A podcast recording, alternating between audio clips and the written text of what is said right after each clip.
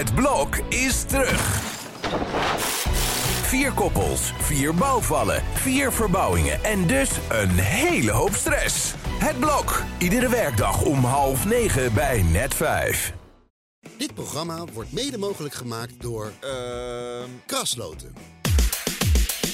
Goeie vrijdag, goeie vrijdag, goeie vrijdag allemaal. Kruip weer dichter bij je speaker voor deze week de laatste maal. Goeie vrijdag, goeie vrijdag, kom eens hier en luister nou. Heb jij ook een vraag voor Evert? Jordi stelt ze namens jou. Want Slik Privé is er voor jou. Echt. Jazeker. Ook op de vrijdag, aflevering 350, Evert. Zou de koning... Over. Ja, zou de koning ze alle 350 beluisterd hebben? Nee, die is vaak weg, hè. En die kan wel luisteren, maar dat schiet er dan weer in op zijn speedboot. ja. Zou de koning er nou echt wakker van liggen dat hij straks in de toekomst misschien inkomstenbelasting moet gaan betalen? ja, nou, ik denk het niet eigenlijk. Want ik heb begrepen dat hij eh er netto niet op achteruit gaat. Dus eh, wat hij nu netto krijgt, dat, dat, dat houdt hij. En dat wordt dan bruto uit. Nou ja, het is echt een constructie. Dat ik denk, wat schieten we hier nou mee op? Ja, ze zijn er echt volop aan het twijfelen daar in de Tweede Kamer. Hè? Eerst was de BBB. Ja, maar ze zijn, eh, ik vind de inkomstenbelasting, dat, dat is een hele rare constructie ze dat zo gaan doen. Maar er zijn nog andere belastingen waarvan ik denk, ja, daar moet je gewoon net als iedereen wel belasting over betalen. Over erfenissen en over, ze zijn er altijd bang dat die kunstverzameling van de Oranjes uit elkaar valt. Ja. En daarom zijn ze daarvan vrijgesteld. Maar ja, als prinses Christina niks anders te doen heeft dan mooie Rubens in eh, New York laten veilen. Dan denk ik, ja, daar zijn ze zelf niet zo mee bezig. Dus laten wij dat dan ook maar niet doen. Nou, we wachten dat even af, want het duurt volgens mij nog heel lang voordat hier uiteindelijk een knoop over doorgehakt wordt. Dus ondertussen vraag ik me ook af, eh, zou het nieuwe vriendje, het mogelijke nieuwe vriendje van Amalia al aan tafel gespot zijn bij de koning en koningin? Eh, dat, dat zou zomaar eens kunnen, want die kennen elkaar goed. En de ouders van eh, Amalia en, en deze Boris, die eh, kennen elkaar ook goed. Jeroen Snel deed het nu of hij groot nieuws had. Maar onze abonnee Jeroen Snel, denk ik, want dat hadden we natuurlijk drie weken geleden al in het blad. Dat er een Boris in beeld is die in Madrid woont. En dat zou verklaren waarom zij zoveel in Madrid is. Oh. In Spanje. En hij is van keurige komaf. En eh, van adellijke familie Saxe-Coburg-Gotha.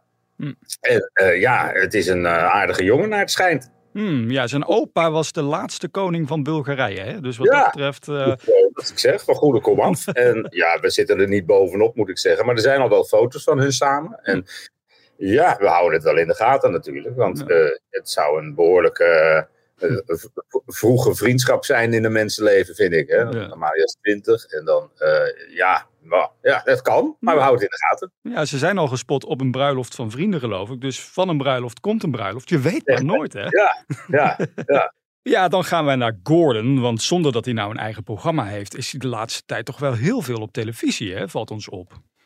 Eh, ja, daar heeft hij kennelijk voor gekozen. Als hij hier is, dan zit hij in een programma. En van, van Omroep Max tot, eh, eh, ja, Bo hebben we al genoeg over gehad. En nu weer dat verborgen verleden. En er komt weer een traantje aan te pas. Dus ik denk dat ik het even aan me voorbij laat gaan, die uitzending dit weekend. Ja, maar, hoe komt dat nou dat Gordon de laatste tijd alleen maar huilend op televisie is? Zegt dat Ik iets?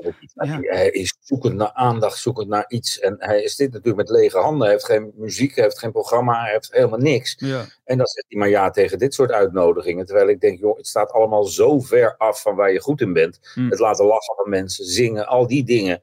Doe die nou. En, en ga nou niet alleen sippend en, en huilend eh, voor die camera zitten. Want het is Ja. eh, zoveel van hetzelfde. En ja, mensen willen gewoon lachen om Gordon. Niks anders. Dus zal ik dan het fragmentje uit Verborgen Verleden nog even laten horen waarin hij huilt? Of zeg je, we moeten gewoon op deze vrolijke vrijdag lekker door? Nou, bereid de mensen maar even voor dan op die uitzending. Dan vinden we een volgend document dat ons meer kan vertellen over deze Martin Heukelwots. Vader met acht zonen? Nee, toch? Ja, acht zonen, ja. Dus hij en zijn acht zonen zaten allemaal in de muziekkoor. Ik vind dit echt... Echt ongelooflijk. hè? Het is een super muzikale familie. En zij traden dus ook samen op. Ja, de kern is dus dat hij moet huilen omdat hij muzikale voorouders heeft. Ja, nou, Ja, nou, prachtig. En hij schaamde zich altijd voor zijn achternaam. En nu is hij er heel trots op, begrijp ik. En Ja. nou, het is mooi, maar ik, eh, hoef het allemaal niet zo te zien. Laten we hopen dat februari een betere maand ook voor Gordon wordt. Um, nou ja, het, het sneeuwt ondertussen de hele week al buiten. Nou, mocht je nou dit weekend lekker thuis onder een dekentje willen kruipen, nou, dan heb je genoeg BN'ers om naar te kijken. Want we hebben natuurlijk de docu van Leeuw Kleine, maar ook Caroline van der Plas nu al op Videoland. Ja. Uh, ik heb daar gisteren even naar gekeken. Ik ben toch wel onder de indruk, moet ik zeggen, van die docu van Caroline. Van Caroline? Ja, ik vind toch wel dat ze een, een persoonlijk inkijkje in haar leven geeft. En zij is echt zo gewoon gebleven. Als je dan een inkijkje krijgt in haar huis in Deventer. Ja, het, is gewoon echt een rijtjeshuis. Rijtjeshuis, ja. ja. Het is een grote overstap naar het katshuis. Nou zie ik er dat niet van komen. Maar als dat zou gebeuren, dan uh, is het wel... Het, ja, het hele leven van die vrouw is natuurlijk volledig op zijn kop komen te staan. Ja. Uh, af en toe heeft ze er spijt van dat ze dit gedaan heeft. Maar ja, ik denk dat die boeren wel een hele goede aan haar hebben. En uh, ja, ik vind het, een, als ik er ontmoet, een ontzettend aardig, leuk mens. Ja. Onvermoeibaar. En uh, ja, wat ze verder in de politiek in de melk te brokkelen gaat krijgen, ja. dat moet allemaal nog maar blijken. Maar uh, ik vind het wel een, een, een aanwinst in het Haagse politieke landschap. Maar denk je nou dat zo'n documentaire over Caroline haar bij de volgende verkiezingen gaan helpen om meer stemmen binnen te krijgen? Dat zou zomaar kunnen. Je leert haar toch kennen. En mensen stemmen nou eenmaal op een persoon. En, en lang niet meer zoals vroeger op, een, op een, een minister in een uniform met een steek die uh, veel verder van ze afstaat. En ja. ik denk dat zij een heel herkenbare, hartelijk mens is.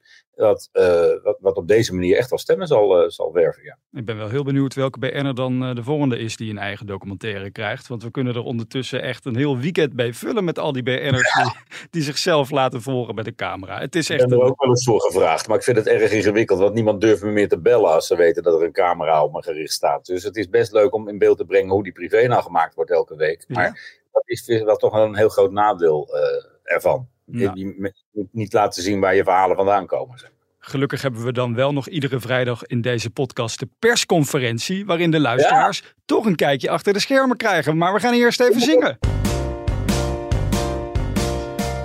Eventjes aan Evert vragen. Dat lijkt me echt een goed plan. Een vraag aan de privéman. Nou ja, niet alleen een inkijkje in het maakproces van de privé, maar ook een klein beetje in het privéleven van Evert. Want Hanna, die. Uh, ja, nou, hou je vast, Evert. Hanna, die zag namelijk deze week dat jij geout werd als fitfluencer. Hoe vaak. ja, ja.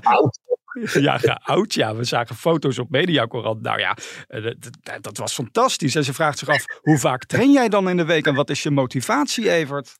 Ja, dat wel drie, vier keer in de week. Ja, het is ja, een beetje uit de hand gelopen. Maar ja, ik heb een personal trainer met wie het heel erg klikt. Dus sinds een jaar of vier ben ik daarmee bezig. Trouwens, die foto's die erbij stonden, die zijn ook van drie jaar oud of zo. Ja. Dus, uh, ja, het is, uh, het, ineens vond ik het weer leuk. Ik heb vroeger veel getraind. En, uh, toen 15 jaar niet. Ja. En een paar jaar geleden, toen ik tegen de 60 liep, dacht ik, nou, nog één keertje in vorm. En nu heb ik de smaak wat te pakken. Het is gewoon onderdeel van, agenda geworden. Ja. Maar niet weten dat dat uh, nog eens uh, de titel Fitfluencer zou opleveren. Nou, ik vind dat je hem echt uh, verdient. Ben je er deze week vaak op aangesproken op die foto's? Want dat is dan. ja, Kijk. ja. Zelfs gevraagd voor zo'n actieprogramma, weet je wel. Waar oh. mensen normaal nooit aan mij denken, omdat iedereen denkt, ja, die man is zo oud. Ja. en dan is. nou ja, maar we, kijk. Ja, dus. Nou ja, en ondertussen belt uh, de mens held hier uh, even. Of je, of je... nou, weekend. het is weekend, mensen. Maandag zijn we er weer met een verse Showbizweek. Tot dan.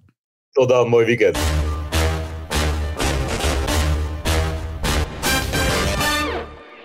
Dit programma werd mede mogelijk gemaakt door... Uh, Krasloten.